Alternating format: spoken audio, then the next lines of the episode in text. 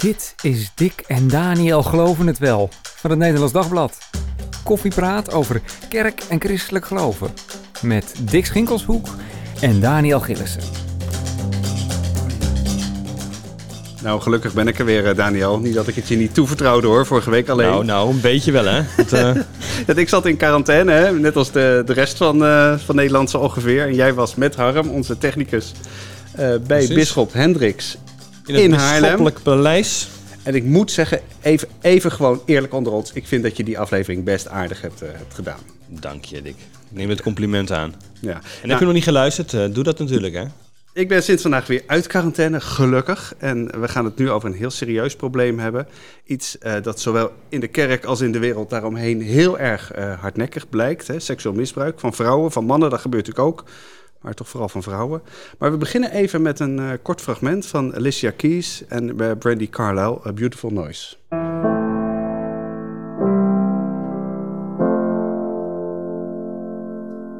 I have a voice. Started out as a whisper, turned into a scream, made a beautiful noise. Shoulder to shoulder, marching in the street. When you're all alone, it's a quiet break, but when you're band together, it's a choir of thunder and rain. Now we have a choice, cause I have a voice. I'm not living to die. Ja, want uh, te gast is uh, Marie Hansen. Uh, zij doet aan de PTHU, de Protestantse Theologische Universiteit, onderzoek naar seksueel misbruik in de kerk. En we gaan het met haar hebben over dat hardnekkige probleem, over misbruik. En hoe je de kerk en misschien ook wel de wereld een klein beetje veiliger kunt, kunt maken. Misschien voor vrouwen en ook, en ook voor mannen. Welkom Marie, leuk dat je er bent. Dankjewel. We hoorden net fragmenten van Beautiful Noise. waarom wilde je dit fragment even aan het begin laten horen? Het gaat um, over het laten horen van je stem. En ik realiseerde me eigenlijk net pas... oh ja, I have a voice. Voice of Holland is natuurlijk ja. wel... Uh, nou, daar gaan we gelijk, uh, duiken we er gelijk lekker in.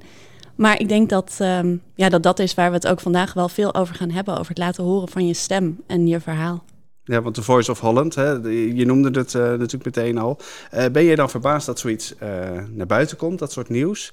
Of zeg je van, ja jongens, dat kunnen we toch allemaal gewoon weten dat dit gebeurt? Nou, nee, ik ben niet verbaasd inderdaad. Um, maar ik leg me er ook niet zomaar bij neer. Dus het, het raakt me wel en het, het schokt me toch, ook al weet ik het wel. Um, maar ik ben niet verbaasd. Ik denk niet, hè? Hoe kan dat nou? Nou ja, natuurlijk wel, maar niet... Uh... Ergens in een soort diep innerlijk of zo denk je nog steeds, hoe kan dit nou? En tegelijk op een meer rationele niveau denk je, ja, maar dit, dit gebeurt Dit gewoon. komt gewoon voor, ja. Dat, dat komt je. gewoon voor, ja. En dat, dat, dat weet ik, dat weten we allemaal inmiddels, toch? Ik ja. bedoel, um, ja. Het, het is het is eigenlijk, nou ik zal niet zeggen aan de orde van de dag, maar um, ja, als je kijkt naar de nieuwsberichten van de afgelopen jaren, komt dat toch gewoon steeds weer, of in de sport, of in de kerk, of ergens, uh, ja, gewoon toch echt naar boven. Ja, en, en wat, wat doet het, dit soort berichtgeving, denk jij, in, um, ja, eigenlijk in de, in de wereld in zijn algemeenheid, in de maatschappij? Heb, roept dat iets uh, op wat het uiteindelijk ook uh, iets goed doet, zeg maar? Ja, dat hangt voor mij, of wat mij betreft, hangt dat ook wel echt van de berichtgeving af. En wat voor soort berichtgeving Hmm. het is. Um, ja, leg dat eens uit. Nou, uh, ik heb me vooral heel kwaad gemaakt over uh, de eerste berichten die kwamen na de eerste berichten. Dus um, waar het ging over, nou ja, hadden ze hadden die vrouwen die nu hun verhaal deden, Hmm. hadden ze het niet eerder kunnen vertellen? Ja. Waarom hebben ze niet eerder aan de bel getrokken? Um, daar kan ik me dan heel kwaad over maken. Voice laten horen. Precies, ja. Um, er zijn heel veel redenen namelijk om dat niet te doen in zo'n situatie. En als de berichtgeving dan op die manier ermee omgaat, dan denk ik ja, maar dat, dat doet niet goed. Nee, dan begrijp je eigenlijk niet dat het, uh, wat er dus allemaal achter kan zitten om dat dus niet te doen. Precies. Niet te laten horen. Precies. En aan de andere kant denk ik van je vroeg van, um, ja, doet het iets goed deze berichtgeving? Ik denk het is wel goed dat we het er met elkaar over hebben. Want de discussie gaat er nu wel weer over. En er kwamen natuurlijk op de reacties um, van, ja, waarom uh, trokken die vrouwen niet eerder aan de bel? Kwamen ook weer heel veel verontwaardigde Mhm. reacties. Dus ik denk, ja, dan, dan wordt er wel een discussie op gang gebracht. Want wat zijn de redenen om niet aan de bel te trekken? Om dat toch wel even nog meteen uh, te pakken? Ja, uh, dat je nog op de een of andere manier in die relatie zit. Of Ja. in, in de band die je hebt met diegene. Uh, dat je je ontzettend schaamt. Dat je denkt dat het je eigen schuld was. Dat je denkt, oh, maar het, dit hoort er gewoon bij. Dit, het is allemaal niet zo erg. Ja. Het kunnen allemaal redenen zijn. Ja. Ja. Ja, precies. En dan is het wel, daar komen we zo nog wel verder over te spreken. Interessant natuurlijk van hoe je dat nou wel inderdaad ja, eerder kunt weten en liever natuurlijk voorkomen. En op welke manier kun je dat dan voorkomen? En dan doe je dat door protocollen of hoe pak je dat precies aan? Dat eh, is natuurlijk wel iets wat, uh, wat, wat steeds speelt. En wat je natuurlijk ook voor de kerk heel goed kunt voorstellen. Van uh, hoe nou ja, leggen we dit aan, aan banden en voorkomen we dit? Ja, wat even, waar hebben we het precies over als we het over misbruik hebben? Kijk, ik bedoel, bij The Voice was het vrij helder denk ik. Daarvan hoef je aan heel weinig mensen nog maar uit te leggen, denk ik. Dat is misbruik. Dan ga je over een grens. Maar wat, ja, bedoel, jij bent ook wetenschapper, dus jij hebt daar ook op een bepaald wetenschappelijk uh, niveau over nagedacht. Wat, waar hebben we het over als we het over seksueel misbruik hebben? Als we het over seksueel misbruik hebben, dan hebben we het over een heel scala eigenlijk van, van handelingen uh, en van gedrag. Wat gaat van uh, seksueel getinte opmerkingen tot verkrachting. Ik kan maar zeggen, dat is mm. de range waar we het over hebben. En macht speelt een ontzettend belangrijke rol. Dus het vindt eigenlijk altijd plaats in een scheve verhouding. Waar bijvoorbeeld, um, nou ja, een klassiek voorbeeld is natuurlijk uh, een leraar en een leerling. Ja. Uh, of een uh, bandleider en iemand die auditie doet. Of, nou ja. Een dominee en een... een dominee en, een, een, in de kerk zit. Ja. een pastorant, ja. Ja, ja, ja, ja. Want niet alle seksueel getinte opmerkingen zijn een vorm van, van misbruik natuurlijk. Nee. Um, als je het hebt over gewenste seksuele opmerkingen, niet. Uh, als het gaat over um, dat er iemand op straat uh, naar je roept van... goh, wat heb je een lekker kontje of uh, mooi rokje. lekkere benen, zullen we even. Um, ja, dan dat gaat in ieder geval richting intimidatie. En ja, dan kun je redelijk van uitgaan. Ook als man kun je dan gewoon weten... van dit is niet gewenst. Dit is niet... Want, want ja... Nee, wa waarom, waarom zou je denken dat dat gewenst is? Ja, je kent die mevrouw helemaal niet. Althans, nee. dat, laten we daar dan even van uitgaan in dat voorbeeld. Ja, ja, ja, ja. ja. En um, uh, dan nog, even, nog, nog weer even een stap verder. Uh, jouw afstudeerscriptie uh, ging ook over dit, over dit onderwerp. Ja. Uh, toen heb je je vooral gefocust op uh, vergeving uh, en de relatie met seksueel misbruik in de kerk. Daar wil ik het zo meteen ook nog heel graag even met je over hebben. maar waar komt jouw drive vandaan om je hiermee bezig te houden? Dat is een goede vraag, um, die mensen gek genoeg niet vaak stellen. Dat is grappig. Hoe komt, um, hoe komt dat? Ja, hoe komt dat? Ja, mensen zeggen vaak van, oh, wat een heftig onderwerp. En dan ga je het daarover hebben. En dan zeg ik, ja, het is ook wel een heftig onderwerp. Maar het, nou ja, ik, hoor ook gewoon heel veel verhalen van hele krachtige vrouwen. En uh, nou ja, dat inspireert heel erg. Um, mijn eigen drive komt er vandaan uh, dat ik er zelf ervaring mee heb. Oh, joh. Uh, niet binnen de kerk, want dan had ik dit onderzoek niet mm. op deze manier kunnen doen, denk ik. Um, en ook dat ik gewoon zie hoeveel mensen dit overkomt. En ik zeg bewust mensen, want het overkomt vaker vrouwen dan mannen, maar het overkomt mannen net zo goed. Ja. Um, en dat, ja, dat heeft al met al in mij gewoon een soort um, ja, vuur aangewakkerd. Wat gewoon brandt en wat maakt dat ik denk, oh ja, hier er, er is gewoon echt werk aan de winkel. Ja. En het lijkt me dan ook wel juist als je er dus ervaring mee hebt. Um, al geldt het voor heel veel vrouwen in dat ze op een of andere manier ermee te maken hebben gehad natuurlijk. Dus denk ik weinig vrouwen die zullen zeggen, ja, het gebeurt mij helemaal never nooit. Uh, want die opmerkingen vinden helaas natuurlijk heel veel uh, plaats. Maar wel ook wel weer uh, heftig om je daar dan in te, verder in te verdiepen. Of hoe zie je dat? Ja, dat is ook heftig. Um, en het is, ik dacht eerst van ik kan het heel erg scheiden. Mm. Mijn, wat, mijn privéervaring en wat ik op mijn werk doe. Nou, ik kan je vertellen, dat werkt uiteindelijk niet. Ja. Um, dus ja, dat is heftig. Maar het is ook wel, het is ook mooi. Ja. En um, heeft dat je kijk op mannen in zijn algemeenheid veranderd? Dat je zo'n ervaring hebt? Nee, dat denk ik eigenlijk niet.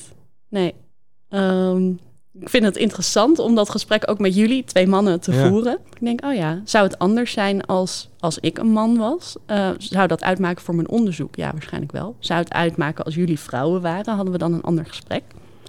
Ben waarschijnlijk wel. Waarschijnlijk ja, wel, hè? Ja, ja, ja. ja, ik denk het wel. Maar, maar hoe dan precies en wat dan precies, dat is niet zo makkelijk te zeggen, toch? Wat nee. dat dan dat verschil zou maken? Nee, dat, dat is denk ik inderdaad niet makkelijk te zeggen. Um, maar ik denk dat het wel met een, ja, misschien met een bepaalde gevoeligheid of, of toch ook ervaring te maken heeft. Um, dat, ja, ik, ik weet niet of je als man echt een voorstelling kan maken, tenzij je zelf ook iets hebt meegemaakt. Maar mm -hmm. um, van hoeveel vrouwen het beleven om in het donker over straat te lopen, bijvoorbeeld. Ja, Ja. want dat, eh, bedoel, wat, ja, leg ons dat dan eens uit. Ik heb dat inderdaad niet. Nou ja, ik dus gewoon midden in, wat is het, in de nacht over, wat is het, door, door Utrecht lopen of zo. Dat, ja hoe, hoe is dat voor jullie om s'nachts in het donker over straat te lopen en eh, er is geen straatverlichting en eh, verder ook niet heel veel mensen in de buurt? het is Nee. lastig. Ja, precies. Ergens vraag je je wel een beetje af van, eh, van eh, zie ik nu niemand in de buurt of er gebeurt er loopt er niks achter me. Of, dus ik kan me dat, op, dat, dat een klein beetje voorstellen, maar nooit natuurlijk de, de intense ervaring. Ik bedoel, dat je een klap voor je kop krijgt of zo, maar eh, dat is toch Ah, een dat andere ervaring. wordt, dat je gerold Precies. wordt. Dat je, De- maar dat is denk ik een, een andere weer dan de integriteit van je lichaam natuurlijk. Wat, bedoel, wat dan ook eh, geraakt wordt natuurlijk. Maar ehm, wat wel weer veel, eh, veel verder gaat, denk ik. Ehm, dus ja, het blijft lastig daarin in te leven. Dat is ook de reden. Hè. Bedoel, daarom we ook hier aan nadenken van hoe gaan we dit gesprek aan. Ehm, en eh, eh, ja, wij twee mannen die over eh, seksueel misbruik gaan, gaan praten. Daarom ook heel blij dat, jij bent met jouw kennis om hierover te spreken.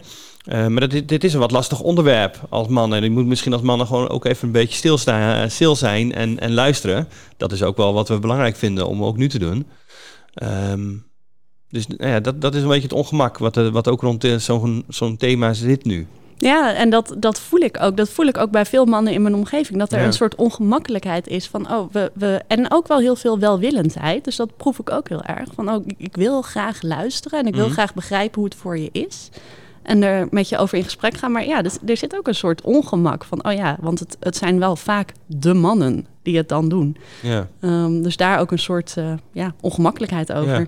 Maar het is dus niet zo dat, om nog even terug te komen, die vraag dat het jouw beeld van mannen in zijn algemeenheid zo heeft veranderd dat je denkt, wat is, ja, ik bedoel, ik moet altijd, altijd uitkijken voor mannen, want eh, voor hetzelfde geld. eh, Nee, ik heb, ik heb niet het eh, idee dat ik altijd moet uitkijken voor mannen of dat ik me met mannen veel onveiliger voel.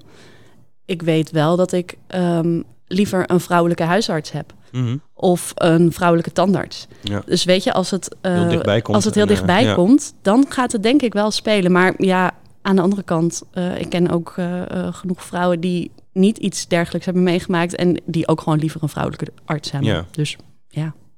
Dat is ook gewoon misschien zo en dat moeten we dan ook. eh, Misschien is dat zo, ja. Ja. Nee, maar ik, ik, Ja. heb, ik heb niet principieel iets tegen mannen. nee. en hoe is het dan inderdaad om als vrouw eh, in het donker eh, rond te lopen? Wat is voor jou dan? eh, wat, wat merk je aan jezelf als zoiets. eh Ja, ik merk, is. ik merk dat ik het, ja, dat ik dat echt spannend vind. Ehm, en dat ik, nou, vorige week nog, dat ik een strandwandeling had gemaakt en ik had de auto in de duinen geparkeerd. Kon prima. Eh, ik had er helemaal niet naar gekeken van, oh, is daar verlichting of hoe kom ik straks terug? mhm. Dus ik kwam daar in het stikdonker en dat was een beetje bos en dan duinen en dan de parkeerplaats. Ah, En ik voelde gewoon, ik stond stil op het duimpad. En ik dacht, oké, nu moet ik doorlopen. Nee, dat gebeurde gewoon niet. Dus ik stond stil en ik dacht, oké, nu, dus nu moet ik iets doen waardoor ik durf. mm. Waardoor ik daarheen durf te gaan. Eh, dus ik heb inderdaad de zaklamp van mijn telefoon gepakt en eh, mijn vrouw gebeld. Ja. En gezegd, nou, hoi, we gaan even kletsen en jij blijft met mij aan de lijn tot ik in de auto zit. Ja. Ja. precies. Veel voor, eh, wat, wat veel ingezet wordt inderdaad, hè? bellen met iemand. Ja. ja. En zou jij willen dat wij, wij mannen... ja, Ja, nou ja, precies. Ja zeggen we, dat we dat komen toch een beetje daar terecht, Ja. hè? Die, Ja. die, die tweedeling ook. Ja. Ja, maar dat wij ons dat meer realiseren. Ik bedoel, ik, ik zit me dan onmiddellijk natuurlijk eh, af te vragen van ja, hoe zou ik zelf over dat, over dat duimpad gelopen hebben? Ik zou het ongemakkelijk hebben gevonden, maar ik zou niet hebben stilgestaan. Ik zou niet mijn vrouw hebben gebeld. Ik zou gewoon doorgelopen zijn. Ik zou op geen enkele manier die ervaring hebben gehad die jij had. Dat weet ik, weet ik vrij zeker. Mm. Ehm, maar hoe kan ik, eh, wat, wat kan ik het beste doen met jouw ervaring? Ja, ehm, ik denk dat je kan luisteren. En eh, kan proberen je voor te stellen hoe het is voor mij. Ehm, en misschien gewoon eens te vragen aan de vrouwen in jouw omgeving: van goh, ehm, hoe is dat voor jou? En om met hen te kijken van joh, ehm, op zo'n moment, wat, weet je, wat heb je nodig? Wat, wat zou je willen? Is dit op een of andere manier te doorbreken? Je zou toch wensen dat, dat vrouwen die nu eh, opgroeien, daar, eh, daar geen last meer van zouden hebben in de toekomst?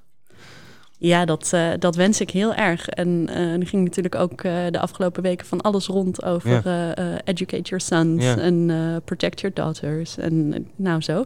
Ehm, daar kan ik ook nog wel het een en ander over zeggen als je wilt. Maar ehm, ja, is dit te doorbreken? Ja, ik hoop uiteindelijk natuurlijk wel. Ik hoop het echt. Ehm, maar ik vind dat niet alleen de taak van mannen. Dat vind ik de taak van mannen en van vrouwen samen. En ik denk dus dat dat echt begint bij naar elkaars verhalen en ervaringen echt kunnen luisteren. En je echt willen voorstellen hoe het is voor de ander. En dat raakt dan zowel mannen als vrouwen, eh, hoor ik jou zeggen.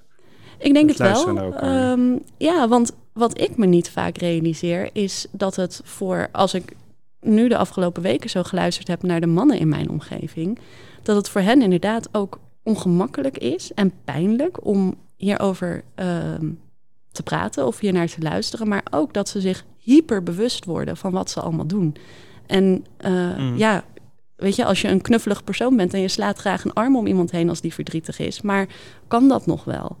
Of kun je als je eh, een kind dat verdwaald is tegenkomt, eh, mag je dat oppakken om haar te troosten of niet? Weet je, zo dat soort dat realiseer ik me als vrouw zijnde Mhm. niet. Dat doe ik gewoon. Ja. Nee, ik heb me Nee, dat inderdaad ook wel eens ja, afgevraagd. Het is, een, eh, het is een kind dat was gevallen met de fiets. Niemand eh, in de buurt. Ik dacht, ja, guns, moet ik nou... Ik wil heel graag dat kind oprapen. En, en maar ja, ik ken haar niet. Die, mo- die moeder of die vader of iemand anders zal vlak eh, dicht, eh, vast dicht, dichtbij zijn. Maar ja, ik, dus, ik heb dat toen niet gedaan. En dat voelde heel raar. Ja. En heel... bedoel, ik zou willen dat, dat iemand dan mijn kind wel overeind helpt. Zeg Mhm. maar. En ik ben doorgefietst. Oh ja, het is, ik kan me wel voorstellen dat, dat je stopt en wel dat, eh, bij het kind eh, zeg maar, eh, even door de knieën gaat, maar niet meteen zeg maar, aanzitten. Dus kijken wat het, hoe het kind zelf reageert op, op mij. Mhm. En, en kijk wat dat doet en op welke manier je dan kunt, kunt helpen.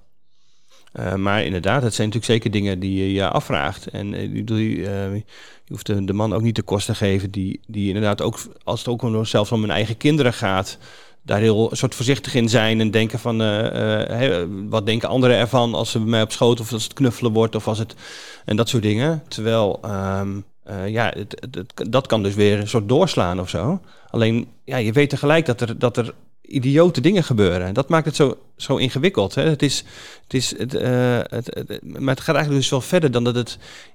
Kijk, incidenten kun je bijna niet voorkomen, maar dit is verder. Dat, dat, dat gaat verder dan incidenten. Het is ook een soort cultuur waar, eh, waar vrouwen last van hebben. Met name dus vrouwen. En daar, dat zou je op een of andere manier willen ja, veranderen. Ja, ik denk dat het zeker ook een, eh, ja, een cultureel probleem is. En dat daar wel iets aan te veranderen is. Ehm, en nou ja, dat, dat begint dus denk ik inderdaad bij, bij gesprek, maar ook nou ja, over inderdaad het, het stukje van ja, hoe voed je je kinderen op? Ehm, maar hoe voed je je zonen en je dochters op? Dus Ja. dat vind ik dan wel echt heel belangrijk. Ja, precies. Want ik hoor dat jij, je hebt een beetje, een beetje moeite, hoor ik in jou, in wat je zegt, met eh, dat, dat educate your sons. Dus eh, voed jongens beter op. Mhm. Zeg maar, eh, Beatrice Smulders heeft het over meer penisbeschaving. En ik hoor jou zeggen, ja, maar er is, die- dat is maar de helft of zo. Klopt dat? Ja, nou, misschien is het wel iets meer dan de helft. Ehm, en ik, ik ben zeker voor meer penisbeschaving. Dankjewel, Beatrice. Ehm, helemaal, ik vind het een goed plan. Ehm, maar ik denk dat het niet zo eenvoudig is als te zeggen... we moeten onze jongens beter opvoeden. We moeten zeker onze jongens goed opvoeden. En misschien wel beter. Maar we moeten ook onze meisjes goed opvoeden. En ik denk dat het begint met je kinderen leren om oké te zijn met zichzelf en met hun lichaam. Dus ik ben zelf moeder van een jongen, dus misschien ook niet helemaal bevooroordeeld of onbevooroordeeld wat dit eh, aangaat. Mm. Maar ehm, als ik zie hoe eh, onbevangen hij nog is. De trein rijdt langs. Ja, ik hoorde Nee, ineens. nee. eh, Ja. ja. ja, Ehm, maar je- die zoon, hoe onbevangen die is. ja, hoe Ja. onbevangen hij is. En dat ik denk, ja, als je, ehm, als je op die manier gewoon met jezelf en met je lijf kan zijn, dan. En als je dat kunt behouden, ook als je volwassen wordt, en als er niet heel veel schaamte en taboe komt op dat lijf en op seksualiteit, dan hoeven er denk ik ook minder dingen in donkere hoekjes te gebeuren. Ja, en dat, zou, dat gaat dan misbruik, dat maakt dan misbruik minder waarschijnlijk of zo. Of geeft het minder kans. Hoe, eh, Ik hoop het wel. Ja, ja. Want eh, even over de, de, de misbruiker zelf. Wat, wat weten we daar eigenlijk? Wat weten we daarvan? Zijn dat een bepaald soort mannen? Dat hoop ik natuurlijk. En ik hoop dan vooral dat ik niet bij die categorie hoor, even voor de duidelijkheid. Maar hoe, eh, hoe, hoe wordt iemand uh, misbruiker? Uh, kun je daar iets over zeggen? Is daar iets over te zeggen? Nou, ik denk dat een deel van het probleem al opgelost zou zijn als, als ik daar nu een heel helder antwoord op zou kunnen geven. Dus ik pak even mijn checklist en dan vertel ik je waar je op moet letten. Het probleem is juist dat je dat gewoon heel vaak niet weet. En dat we zo vaak horen van. Nee, maar is dat echt gebeurd met die en die? Heeft die en die dat gedaan? Maar die is altijd zo aardig en zo charmant hmm. en zo geliefd in de gemeente als predikant, om maar iets te noemen. Um, ja, dus nee, er, er is niet een typische misbruiker. Zijn het juist allemaal de aardige mannen die het doen? we zijn er soms zo verbaasd over dat het inderdaad uh, ja, zulke aardige leuke mannen nou, zijn die... Uh... Ik, ik, denk dat er aardige en onaardige mannen zijn die mm. het doen. Mm. Um, ja. En ik denk dat er gewoon echt iets, iets scheef zit als je het gevoel hebt dat je recht hebt op het lichaam van een ander. Um, en dat je dat nodig hebt mm. op de een of andere manier. Dus ja, dan, dan gaat er ergens iets scheef. Maar, maar waar dat zit en waar dat begint... Um, nou ja, daar, zou, daar zou je eens een psycholoog naar uh, kunnen vragen of een seksuoloog. Maar um, ja, geen checklist. Dat, dat, dat, maakt het, bedoel, we hadden het net over het ongemak van mannen. Dat maakt het voor ons natuurlijk ook ongemakkelijk. Liever zou ik hebben dat je zou zeggen: nee, maar dat is dat type. En dan denk je: oh, maar daar hoor ik gelukkig niet bij. Nee, dus het zal mij niet overkomen. Het zeg maar. Mij niet overkomen. Maar dat is natuurlijk het hele punt want rond, rond de voice. Dat, dat, dat, dat mannen zich gelukkig ook uh, af gaan vragen, inderdaad, van wat heb ik uh, uh, gedaan. Uh, of ben ik ergens over de scheef gegaan? Of uh, heb ik. Um, en dat. Kijk, ik bedoel, als je het moet gaan afvragen. en je hebt echt iets groots gedaan. dan, dan is er echt iets mis. Hmm. Maar als het iets. Uh, juist omdat het ook in die subtiele dingen zit. en hoe benader je en ga je inderdaad met respect om met, met, met, met vrouwen om je heen die je ontmoet in relatie enzovoort. Um, en wetend, omdat het dus uh, nou ja, meer cultuur is dan dat het incidenten zijn. Ja, nou ja, ik denk dat je jezelf tot veilige gesprekspartner kunt maken. Um, als je aangeeft dat je open staat voor het gesprek erover. En als je ook gewoon heel duidelijk bent erover dat je jezelf in de spiegel durft aan te kijken. En echt durft te kijken, kritisch durft te kijken naar: oké, ben ik misschien ergens over de scheef gegaan? En dat ook durft te erkennen als dat zo is. En daarmee word je denk ik een veilige gesprekspartner. Ja. Ja, juist omdat het in dat soort uh, kleine dingen zit, die in sommige gevallen uh, en zelf niet in de gaten, soms misschien zelfs niet in de gaten hebt hoe irritant dat ook kan zijn mm. voor jezelf en zeker met name voor de ander natuurlijk. En, en in bepaalde uh, stadiums van het leven of zo, waar het op een of andere manier er net wat minder mee bezig bent of dat in de, in de gaten hebt. Uh, wat dus wel ja, waardeloos is natuurlijk als dat als je op dat moment uh, daarin uh, in de fout bent gegaan. Ja, nu uh, zijn er vooral in, de, in Amerika zijn er, zijn er evangelicals die hebben dat probleem op een hele radicale manier opgelost. bijvoorbeeld iemand als Mike Pence, hè, de vorige vicepresident.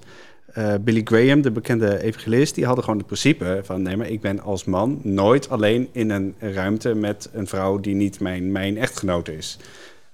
dan heb je het opgelost. Dat, ja, dan heb je het opgelost. En dan uh, um, heb je, denk ik, ja, het lijkt me praktisch best ingewikkeld. Um, om dat uh, ja, heel erg werkbaar te maken. Me heel ingewikkeld. Ja. Ik denk het, uh, ja, dat denk ik wel. Um, en ik vraag me af of je daarmee het echte probleem oplost. Dus ik bedoel, ja, daarmee kun je misschien voorkomen dat er, um, ja, dat, dat er dingen gedacht of gezegd worden. maar je doet niks aan, weet je, oké, misschien ben je dan niet alleen in een kamer met een vrouw, maar ja, uh, knijp je op straat iemand in zijn billen. Niet dat ik zeg dat deze mannen dat doen, maar uh, het kan nog steeds. En um, ik denk dat, dat zo'n strikte regel. Uh, kijk, tuurlijk is het goed om te kijken naar wat kan wel en wat kan niet. En, en wat zijn goede regels. En daar hadden we het net ook al eventjes mm. over. Um, maar dat je, je lost het probleem eigenlijk niet op. Je doet aan symptoombestrijding. Ja, misschien stop je het hele probleem ook wel in een snelkookpan. Want je maakt, je, uh, je maakt jezelf en ook alle andere mensen in je omgeving je er wel ontzettend. Uh, je gaat je er wel ontzettend op, op, op focussen. Mm -hmm. Ja. Eh, Ja, en ik weet niet of het daardoor dan sneller gebeurt. Dus als dat is wat je bedoelt met de snelkookpan, dan, dan weet ik het niet. Maar ehm, ja, je, je wordt je wel hyper, hyper bewust ervan, inderdaad. En ik denk dat dat misschien ook wel juist die ongemakkelijkheid meer teweeg brengt, waar we het net over hadden. Mhm. Wat ervoor zorgt dat je het maar helemaal niet heel krampachtig er maar niet meer over hebt. Nee, want dat we bespreken wat je net eh, zei met je kinderen bijvoorbeeld. Hoe, hoe zie je dat concreet voor je? Wat, waar, eh, op welke manier ja, moeten we dat dan inderdaad eh, doen? Nou, ik denk dat ik, kan ik echt gewoon voor mezelf Ja. spreken. Ehm, als ik kijk naar mijn kind, dan, dan wil ik hem leren dat, ehm, dat zijn lijf mooi en goed is zoals het is. Hoe het Mhm. er ook uitziet. En dat het van hem is. En dat Ja, hij daarover precies. bepaalt. Dus hij is nu eh, hij is twee en hij zegt nee. Ehm, en soms vraag ik, wil je een kusje? En dan zegt hij nee. Ja, Nou, ja prima, dan respecteer krijgt dat. Ja, precies. kusje. Ja, dat soort dingen. Ja, Ja. ja. Dus ook al vind ik dat dan misschien even Ja. niet leuk, want ik heb een knuffelbui en ik wil hem Ja. graag knuffelen. Ja. Maar ehm, dat ik hem van jongs af aan leer dat ik ook zijn grenzen respecteer. En daarmee wil ik hem leren om ook de grenzen van anderen te Ja. respecteren. ja. Die ken ik wel sterk, ja, naar mijn kinderen inderdaad. Ja. Ja. Dus heel goed aangeven inderdaad, wat ze zelf Ja. ook eh, willen en fijn vinden. En dat tegen iedereen, inclusief eh, eh, nou, ik als vader, dat kunnen aangeven, ja. Ja. ja. Je bent nu met een, met een proefschrift bezig Mhm. over. nou, ik, ik hoor je eigenlijk een beetje zeggen dat, dat de, eh, die omgang met die lijfelijkheid, maar dan in de kerk en in de, in de theologie, en dat we daar ook wel wat ontspannen naar. Ja, je moet het zo meteen zelf maar even uitleggen, want je kunt het natuurlijk veel beter dan ik. eh, eh, mee, mee, mee om zouden kunnen gaan in de kerk. En dat het ook zou kunnen helpen bij eh, het omgaan met ervaringen van, van misbruik. Ehm, betekent dat dat het in de kerk gewoon meer, vaker, opener over, over seks moet gaan? Nou, ik denk dat dat sowieso gezond zou zijn als we dat zouden doen. Eh, je lost daar niet het hele probleem mee op. Maar ik denk wel dat ehm, we in de kerk, in de protestantse kerk, dat is mijn eigen achtergrond en daar, daar doe ik ook grotendeels mijn onderzoek. Dus dat is een beetje mijn referentiekader. Maar dat we daar ehm, heel erg vanuit ons hoofd geloven en mee bezig zijn en eh, met het woord. En Ja, dat zijn Eh, protestanten. dat zijn Ja, Het protestanten. En lijf doet niet mee. nee, we, we laten ons lijf thuis, toch, op zondagochtend? Mm. Ehm, Ja, nu letterlijk zelfs. Maar nou, ja, dat is waar. Dat is waar. Ehm, en weet je, daar, daar ontstaat voor mijn gevoel een soort fragmentatie ehm, tussen, tussen hoofd en lijf, die er niet zou moeten zijn. Maar hoe zie je dat concreet voor je? Ik bedoel, even gesteld dat we weer met z'n allen in die kerkbanken zitten. Mhm. Ja, ik bedoel, het meeste doe je toch met je hoofd. Het, eh, het Het meeste zingen, doe je met je eh, hoofd, ja, maar zingen doe je eigenlijk eerlijk gezegd ook niet alleen met je hoofd. Nee, Ehm, nee dat maar doet met je al lijf, maar- meer. Weet je, eh, hoe vaak wordt er gedanst in een kerk? Ehm, of hoe vaak Nee, wordt er... niet, eh, in, niet in mijn protestantse gemeente waar ik, waar ik zit. Nee. Nee, nee, nee, in de mijne ook niet. Ehm, niet vaak in ieder geval. Soms. Maar niet in de, in de zondagsdienst, zeg maar. Ehm, maar en, en hoe vaak hebben we het inderdaad over lichamelijke dingen? Hoe vaak hebben we het over seks, seksualiteit? Mm, daar hebben we het wel eens over, maar dan hebben we het volgens mij vooral over wat er allemaal niet mag. En wat allemaal verkeerd is. Ehm, De gevaren. de, ja, de gevaren en ehm, nou ja, wel of niet seks voor het huwelijk, wel of niet homoseksualiteit, wel of niet zus en zo. Dus dan gaat het voor mijn gevoel heel erg over de moraal. En, en niet over ons hele mens zijn. Kijk, weet je, ik denk, seksualiteit is eh, een deel van ons mens zijn. Ons lichaam, ons lijf, met alles wat het wil en verlangt, is deel van ons mens zijn. En ik geloof dat God ons zo geschapen heeft. En, en dat we onszelf en elkaar geen recht doen als we een heel deel daarvan gewoon maar eh, in een hoekje zetten en buiten beschouwing laten. Maar hoe, hoe zou dat dan praktisch eruit zien in de kerk? Hoe zou je dat dan kunnen, kunnen doen, vorm kunnen geven? Nou, mijn wens zou zijn dat je als kerk een eh, veilige plek bent voor mensen om hun verhaal te doen.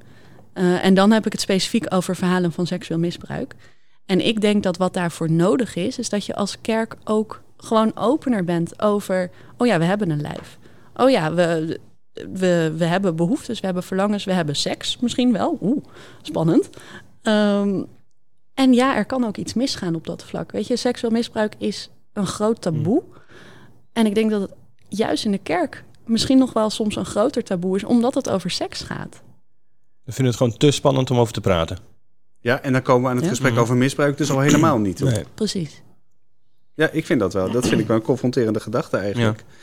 Eh, Maar le- leert de Bijbel ons, iets? Wat kunnen we uit de Bijbel leren hoe we over seks moeten praten? Ehm, nou ja, ik eh, eh, denk dan, zoals waarschijnlijk iedereen, meteen aan Hooglied. Ehm, kijk, weet je, in de Bijbel staan, eh, staan wat mij betreft ook veel lijfelijke verhalen. Eh, als je kijkt naar de evangelielezingen, dan weet je, Jezus eh, was een mens en, en leefde onder de mensen. En ehm, nou ja, terug naar Hooglied eh, ja, gaat bij uitstek, denk ik, over liefde en erotiek. En eh, ja, ook over die verbinding, vorm van verbinding tussen mensen. En er staan in de Bijbel ook echt verhalen over dingen die misgaan. want jij hebt afgelopen zondag gepreekt over Hooglied. Eh, Zeker. Hooglied 5. eh, volgens mij, nou ja, je zegt net zelf, want de meeste Bijbellezers kennen Hooglied als een heel mooi liefdesgedicht. Eh, maar er zit misschien wel, zeg jij, een ontzettend venijnige eh aanrandingsscène in. Ehm, laten we even, ik heb hier mijn Bijbel meegenomen. Even bladeren. Eh, Psalmen, Spreuken, Prediker, Hooglied. Ik heb ooit alle Bijbelboeken Ja, jij ook, Dick. uit, uit mijn hoofd geleerd. Eh, misschien wil jij het gewoon eens even, Marie, gewoon eens even aan ons voorlezen. Hoog, eh, Hooglied 5 zitten we dan, eh, vers, eh, vers 6 en, en 7. Alsjeblieft. Dank je. En ik deed open voor mijn lief, maar hij was weg. Mijn lief was weggegaan. Een duizeling beving mij toen ik zag dat hij er niet meer was. Ik zocht hem, maar ik vond hem niet. Ik riep hem, maar hij antwoordde niet. De wachters vonden mij op hun ronde door de stad. Ze sloegen mij, ze verwonden mij, ze rukten mij de sluier af. De wachters van de muren. Ja, even in jouw eigen woorden, wat, wat, wat gebeurt hier? Wat wordt hier beschreven? Een jonge vrouw zoekt haar geliefde. Ehm, zij loopt door de donkere straten en eh, de ja, want, wachters... want, hij is, want hij is kwijt. Hij is, hij is weg, hij ja. is weg. Hij, eh, hij klopte bij haar aan en eh, zij eh, had wat aarzeling om open te doen. En toen ze uiteindelijk open deed, toen, eh, toen was hij weg. Ja, ja, hij was er vandoor. En eh, nou ja, zij wist inmiddels wel zeker dat ze hem wilde zien. Ja. Dus eh, ze ging hem zoeken. Eh, maar ze, zij vindt niet, maar ze wordt wel gevonden. Hmm. En eh, ja, de wachters die doen haar pijn. En ik heb er inderdaad voor gekozen afgelopen zondag om dat ook ehm, te lezen als zijnde eh, ja, eh, op een seksuele manier pijn doen. Dat zegt de tekst niet letterlijk. De tekst laat wel ruimte voor deze interpretatie. Dus een sluier die afgerukt wordt, is het, ja, het kwetsbaar tentoonstellen eigenlijk van het lichaam. En wat er daarna Mhm. gebeurt, ja, dat lezen we niet. Nee. Ehm, Nee, precies. je- Is het letterlijk sluier of is het inderdaad de, eh, eh, toont het iets over dat ze, dat ze haar lichamelijke integriteit inderdaad eh, eh, niet respecteren?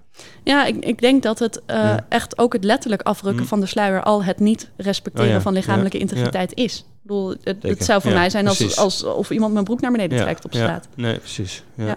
Maar dan daarna gebeurt er niks meer. Het, het gaat gewoon weer verder, het, het verhaal, alsof er niks gebeurd is. Nou, ik denk wat wij lezen in de tekst is ehm, hoe zij het verhaal vertelt. Dus ehm, ik, zou zeggen, ik zou zeggen, er gebeurt zeker niet niks, eh, want zij vertelt haar verhaal. Zij laat haar stem horen. En ze vertelt wat haar is gebeurd en ze zoekt verder naar haar geliefde. Dus ja, want dan gaat het gewoon, gewoon weer verder Het gaat- met, met zoeken. gewoon tussen aanhalingstekens weer verder. Ehm, en voor mij betekent dat ook dat zij de hoop niet helemaal heeft opgegeven. Dus jullie vroegen zo straks van, oh, hoe kijk je dan nu tegen mannen aan en eh, zo. Zij heeft eh, nog steeds de hoop op samen zijn met haar geliefde. En voor haar is wat er dan hier ook met de wachters gebeurd is, niet een reden om te zeggen, ik sluit me daar voor altijd van af en alle mannen zijn slecht. Want wat leert jou dat over eh, eh, wat is met elkaar in de, in de gemeente, in de kerk omgaan met, met seksueel misbruik? Dat we die gemeenschap echt, echt nodig hebben. Het gemeente zijn, het samen zijn en het. ehm, nou we hadden het net over veilige gesprekspartner zijn. Ik denk dat je als gemeente ook echt een veilige gesprekspartner moet zijn. Waar dus dit soort verhalen kunnen klinken. Waar mensen kunnen zeggen: Ik heb iets meegemaakt en dat er geluisterd wordt. Dat daar ruimte voor is. Want uit jouw eh afstudeeronderzoek eh, kwam onder meer dat het soms in de kerk wel ontzettend snel over vergeving gaat. Hè? Ja. Je moet, eh, iemand heeft iets, heeft iets opgebiecht of heeft het niet opgebiecht. Dat maakt dan misschien niet eens zo heel veel uit, ik weet het niet. En ja, maar nu moet jij wel de volgende stap kunnen zetten. Want dat is wel heel erg christelijk. eh, dat jij dan als slachtoffer dan op een gegeven moment naar die vergeving toe gaat. Ja, vergeving is denk ik juist in de kerk wel echt een heel ehm, een, een thema waar je heel snel belandt. Dat heb ik nu in de afgelopen week in de media. Ik heb Mm. nog niks over vergeving gehoord. Nee, nee, nee. Ik wil zeggen, buiten de kerk gaat het niet over vergeving als het Nee. over de, de voice gaat. Het gaat over straf. Eigenlijk moet iemand moet aangepakt worden. Precies. Ja. Ja, ja. Ehm, en Maar, dat is toch, maar dat is wel mooi dat het in de kerk wel over vergeving gaat, toch? Ga maar even aan de andere kant hangen. Eh, Ga jij maar even aan de andere kant hangen. Ik denk dat het ehm, uiteindelijk misschien een, een mooi ideaal is, maar dat je absoluut niet daar moet beginnen. Dus je moet beginnen met ruimte voor verhalen. Want als je meteen met vergeving komt, ja, eh, wa- wat voor ruimte eh, heb ik dan nog om te zeggen, ja, maar het, weet je, ik heb er nog steeds last van. Of het, het doet me nog steeds pijn. Of ik vind nog steeds, ik kan nog steeds niet op zondagochtend naar de kerk. Ja. Ehm, en als vergeving een, eh, een doekje voor het bloeden wordt, of een manier om dingen onder het tapijt te vegen, dan vind ik dat je echt nog heel lang je mond over vergeving moet houden. De- en dan heel lang. Nou, heel Eh. lang eh, totdat iemand daar misschien zelf aan toe is of zelf over begint. Want uiteindelijk is het denk ik een, ehm, een mooi ideaal, maar niet iets waar we per se altijd uit moeten komen. Je kunt niet zeggen dat het een soort voorwaarde, christelijke voorwaarde is om uiteindelijk eh, ja, eh, hieruit te komen, inderdaad. En, eh, en, en een stap verder te komen. Dit, het is mooi dat het, maar het kan, je kunt het niet afdwingen. Nee, je kan het zeker niet Nee. afdwingen. Dus ik zal dat zeker eh, als theoloog of als voorganger nooit zo zeggen. Ehm, en ik, ik ken echt genoeg verhalen van mensen die zeggen van vergeving heeft mij uiteindelijk verder geholpen. En dat vind Mhm. ik prachtig. En ik denk, ik geloof ook dat vergeving echt ehm, ja, helend kan werken. Maar dat je dat niet van buitenaf kunt opleggen. Dus ik kan niet tegen jou zeggen. Nou, je moet wel vergeven. Of eh, eh, Ja. leuk met het onze vader aankomen van eh, Ja. vergeef ons onze schuld. eh, Ja, wat zoals wij vergeven onze Ja, schuldenaren. Ja. Ja. Maar hoe zou jij daarover preken, bijvoorbeeld? Dan? Over- over die, vergeving? Over die, over die beden. Ja, eh, dat heb ik één keer gedaan. En dat was de moeilijkste dienstvoorbereiding ooit. ik dacht, oh, wat, wat, wat heb ik mezelf aangedaan. Ehm, Want dat is nogal wat. dat, dat is nogal wat, inderdaad. Ja, en ehm, ik zit even een beetje terug te halen wat ik daar destijds toen over je gezegd heb. eigenlijk gezegd? Wat, wat Ja. heb ik eigenlijk gezegd? Ehm, kijk, ik denk dat het, dat het niet zo voorwaardelijk eigenlijk werkt. Want het wordt dus vaak uitgelegd Mhm. als... ehm, Ja. Nou ja, Je als, krijgt pas vergeving als je zelf ook precies. En we hebben allemaal vergeving Vergeving, nodig, dus ja. je moet wel vergeven. Ja, ja. Ehm, maar als je wat verder kijkt naar wat er verder ook ehm, in het Nieuwe Testament over vergeving gezegd wordt, dan kom je tegen ehm, dat Jezus zegt bijvoorbeeld van nou, je, je moet eh, eh, zeven maal zeventig keer vergeven. Ik raak altijd in de war Mhm. met die getallen. Gewoon heel veel. Eh, heel erg vaak vergeven. Ehm, maar hij heeft het wel over je broeder of je broeder en je zuster. Ehm, en dat gaat voor mij over gelijkwaardigheid. Dus dat gaat over vergeving binnen een gelijkwaardige relatie. Waar mensen op dezelfde voet staan. En zolang er sprake is van misbruik, is er geen gelijkwaardige relatie. Dus vind ik, kan je dat er ook niet één op één bovenop leggen. Precies als, als, als eis of als voorwaarde of als Ja. gebod. Dus hangt- Dus, van- Ja, precies. Ja. Dus het hangt heel erg af van de situatie, van wat er inderdaad is gebeurd en in welke relatie dat gebeurd is enzovoort. Absoluut. En, Ja. en ook over het voortbestaan daarvan. Ja. En ik denk, het begint met erkenning. Erkenning van de omgeving voor het verhaal eh, van wie het is overkomen. En ja, hopelijk ook erkenning van de dader. Maar dat, dat is niet altijd mogelijk. Nee. Hey, eh, eh, denk je dat de kerk eh, ook, dus gewoon in, in, in, deze maatschappij, in deze discussie, het gaat nu over de voice, hier, hier ook een rol in kan, kan spelen? Ik heb de kerk nog niet echt gehoord op dit, op dit punt, in deze, in deze discussie over de voice. Denk je dat dat zou kunnen, dat dat goed zou zijn? Wat zou dan die rol van de kerk zijn? Ik denk dat het goed zou zijn. Ik weet niet of ik daar zozeer een rol voor bijvoorbeeld de landelijke kerk zie. Of ehm, ik zie het eigenlijk meer op, op lokaal niveau, om daar maar eens te beginnen. Dus inderdaad, ehm, nou, ik neem mezelf even als voorbeeld, maar om er afgelopen zondag wel bewust voor te kiezen om over seksueel misbruik te praten in de Ja. viering. Ehm, Dominee, spreek over seksueel misbruik. ja, en dan bij voorkeur wel op een goede manier. Ehm, nee, maar laat zien als voorganger of als gemeente dat, er, ehm, dat je snapt een beetje waar dit over gaat. En dat je wilt luisteren. Begin daarmee. Maak duidelijk dat je wilt luisteren. En hoe je dat wilt doen, ja, het- daar, daar ken je jezelf en je eigen gemeente het beste voor. Zodat er een soort openheid ontstaat Ja. om inderdaad daar eh, het gesprek over te voeren. Zodat er ruimte ontstaat. Ja. Ja. Ja. Het spannendste van alles wat je zegt is nog steeds wel van hoe je voer dit gesprek over seksualiteit en over je lichaam op een open manier. En dat, dat, is, be- dat is gewoon een ingewikkelde. Dus het kan in een relatie een ingewikkelde zijn, kan met kinderen al ingewikkeld zijn. Laat staan dus nog in een, in een bredere eh, ring. En hoe gaan we dat doen? Nou, hoe, hoe, hoe zou jij dat doen? Heb je daar ideeën bij, Daniel? Nou ja, het is wel iets wat ik natuurlijk met mijn kinderen eh, en ook in relatie wel over, eh, over, over heb. En waar je inderdaad wel een soort kwetsbaarheid eh, hebt, maar tegelijk naar kinderen toe ehm, vind ik het dus best wel een. ehm, eh, je, je, je, wil, je wil dus inderdaad niet eh, prekerig zijn, zowel niet naar je zoon als, eh, als dochter. Ehm, je wil ze echt de ruimte geven, zeg maar, om, om, om zichzelf te zijn, te ontdekken. Dat vind ik inderdaad heel eh, belangrijk. Dus niet helemaal begrenzen van dit is precies wat dan allemaal wel en niet kan juist. Maar ontdek het ook, maar wees wel heel... zorg goed voor jezelf en zorg goed voor de ander. Ehm, en, en tegelijk er, er, er diep over praten met kinderen is... Het, het, het lukt soms wel en ik heb een goede relatie met, eh, met de kinderen, maar ehm, het is wel een... ehm, het is wel i- toch ook gewoon ingewikkeld. en misschien moet je dat ook gewoon laten staan. En is dat dat ook gewoon. En zoeken naar en eh, de mogelijkheden aangrepen die er zijn. Ja, Maar ja. ja. Want ik hoorde jou, eh, Marie, tot slot. Ehm, ook wel weer ergens, dat was helemaal aan het begin van ons gesprek. Eh, toen zei je eh, ook wel iets van, nou, ik, heb, ik heb wel een soort hoop dat wel de samenleving ten goede kan veranderen op dit, eh, op dit punt. Mhm. Ik dacht, daar ga ik je nog even, nog even aan het eind van dit gesprek naar vragen. Is dat mogelijk, denk je? Denk je dat het mogelijk is dat we, dat we zo'n veilige samenleving zullen krijgen? Of moet je ook gewoon erkennen dat altijd vrouwen zich in het donker op straat onveiliger zullen voelen dan, dan mannen? Ik ben benieuwd wat ik daarover, eh, daarop zou antwoorden over 50 jaar. Mm. Ehm, maar op dit punt van mijn leven ben ik niet bereid me daarbij neer te leggen. Dus ja, ik heb die hoop. Ik heb die hoop en ik weet niet of wij dat nog gaan meemaken. Maar ik denk wel dat we.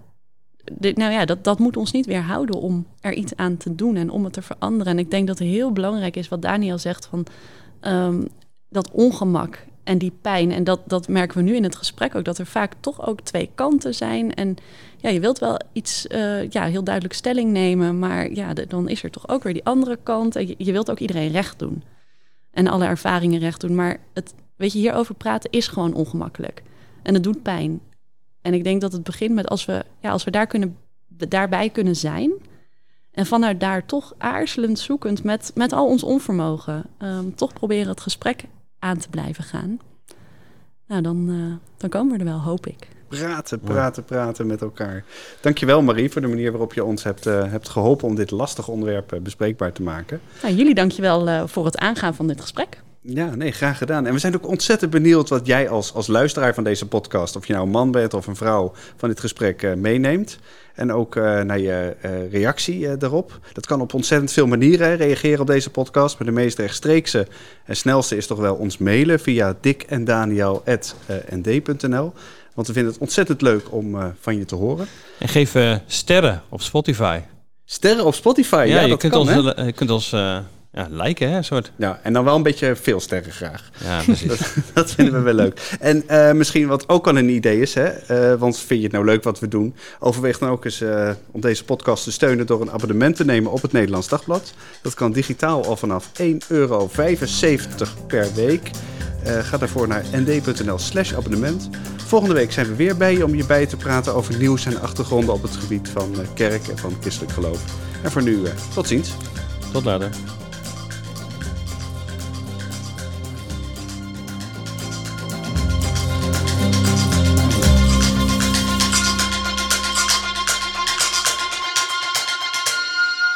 Heb je nou zelf een ervaring van seksueel misbruik en wil je erover op een veilige manier je verhaal doen?